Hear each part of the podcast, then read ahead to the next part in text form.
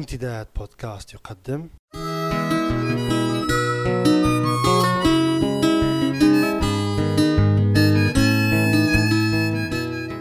رسالة من لندن.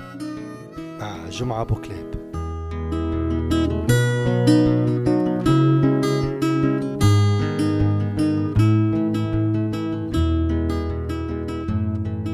بناتكم يا ساكنين الحارة عندي غزيل راح فيها مارة.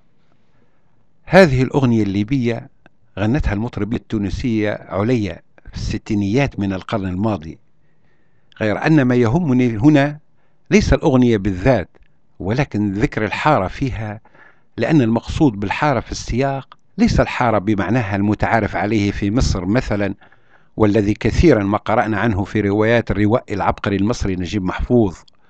ولكن في سياقنا هذا فإن الحارة هي بالمعنى الذي عرفت به في طرابلس الغرب بالذات والذي يعني أن الحارة هي حارة اليهود لأن اليهود تاريخيا في طرابلس أو في غيرها من مدن العالم كانوا يقيمون في مناطق خاصة بهم. أطلق عليها اسم جيتو وكان جيتو يهود طرابلس يسمى الحارة وتقع بالمدينة القديمة. كانت توجد بالمدينة القديمة ثلاث حارات هي الحارة الصغيرة والحارة الوسطية والحارة الكبيرة. كانت الحارة الصغيرة تقع بالقرب من الباب الجديد في حين أن الحارة الكبيرة والوسطية كانتا تقعان على امتداد شارع الأكواش في منطقة باب البحر. وفي كل حارة كانت تتواجد مساكن اليهود ومتاجرهم ومدارسهم ومعابدهم ويبدو وجود اليهود فيها ملحوظا بملابسهم التقليدية والتي تتكون بالنسبة للرجال. من قميص أبيض طويل مثل السورية العربية غير أن أكمامه أوسع بالإضافة إلى سروال مثل السروال العربي إلا أنه أبيض اللون ويتسم بالقصر في الطول وواسع في نهايته. كما يرتدون فرملة سوداء اللون مختلفة في تصميمها عن الفرملة الليبية ويضعون على رؤوسهم طاقيتهم المعروفة. أما بالنسبة للنساء فكن يرتدين أردية مثل أردية النسوة الليبيات وتحتها فستان والبعض منهن يضعن غطاء رأس تستمال في حين أن بعضهن الآخر كن يضعن عصابة سوداء. وكن لا يغطين وجوههن وكثيرا ما تجدهن واقفات في الشارع بأرديتهن سافرات الوجوه. كان اليهود الليبيون الذين رأيتهم وعرفتهم في المدينة القديمة بطرابلس يتكلمون اللهجة الليبية بلكنة خاصة بهم. ليس من السهولة فهمها ويتبدى فيها جليا النطق الخاص لحرف القاف وكذلك حرف التاء حيث ينطق قريبا من تشاء. كانوا يعيشون في بيوت خاصة بهم أو يشاركون الليبيون السكن وفي أيام السبت كانوا يعطوننا الحلوى مقابل أن نقوم بأطفاء الأنوار في بيوتهم لأنه على ما يبدو غير مسموح لهم دينيا. بذلك العيد الوحيد الذي أتذكر احتفالهم به هو عيد يسمى عيد الزريبة حيث يصنعون زريبة من جريد النخل فوق أسطح بيوتهم ويعلق فيها عرجين البلح.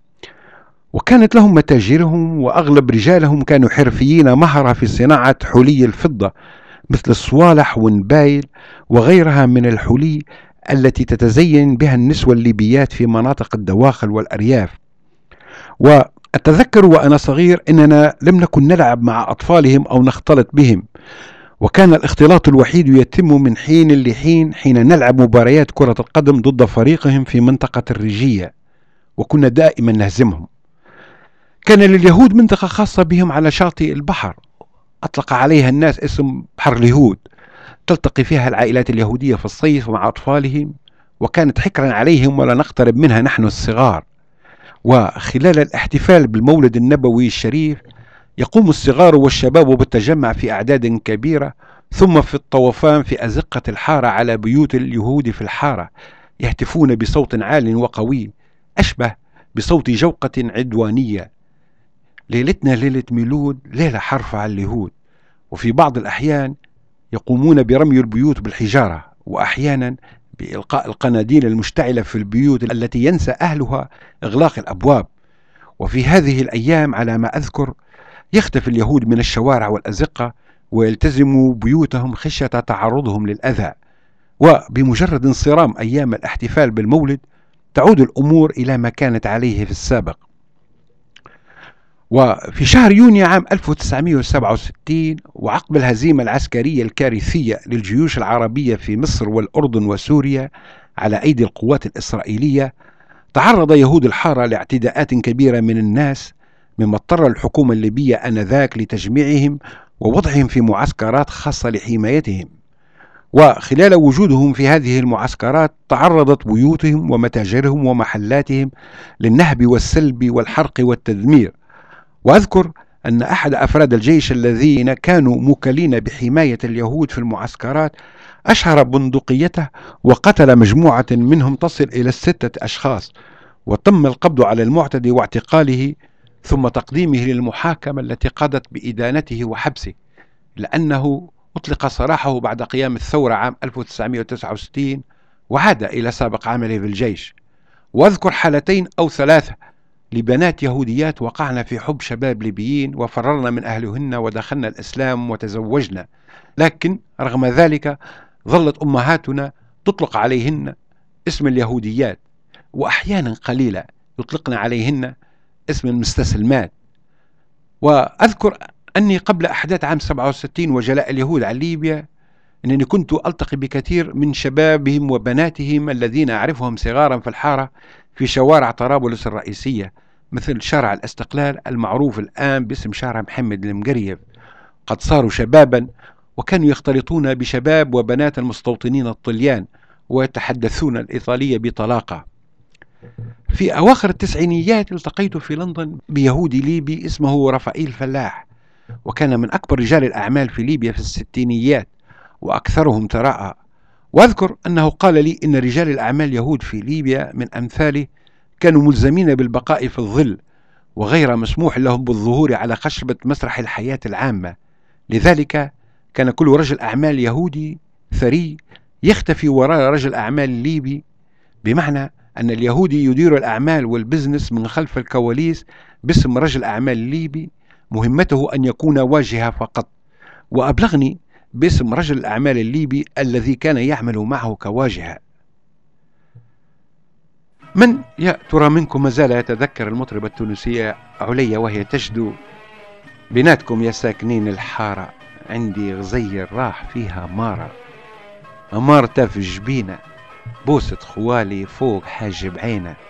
ونقول لك كلمات بيني وبينة دورت عنا ما عرفت ديارة. بيناتكم يا ساكنين الحارة. وحتى نلتقي مجددا.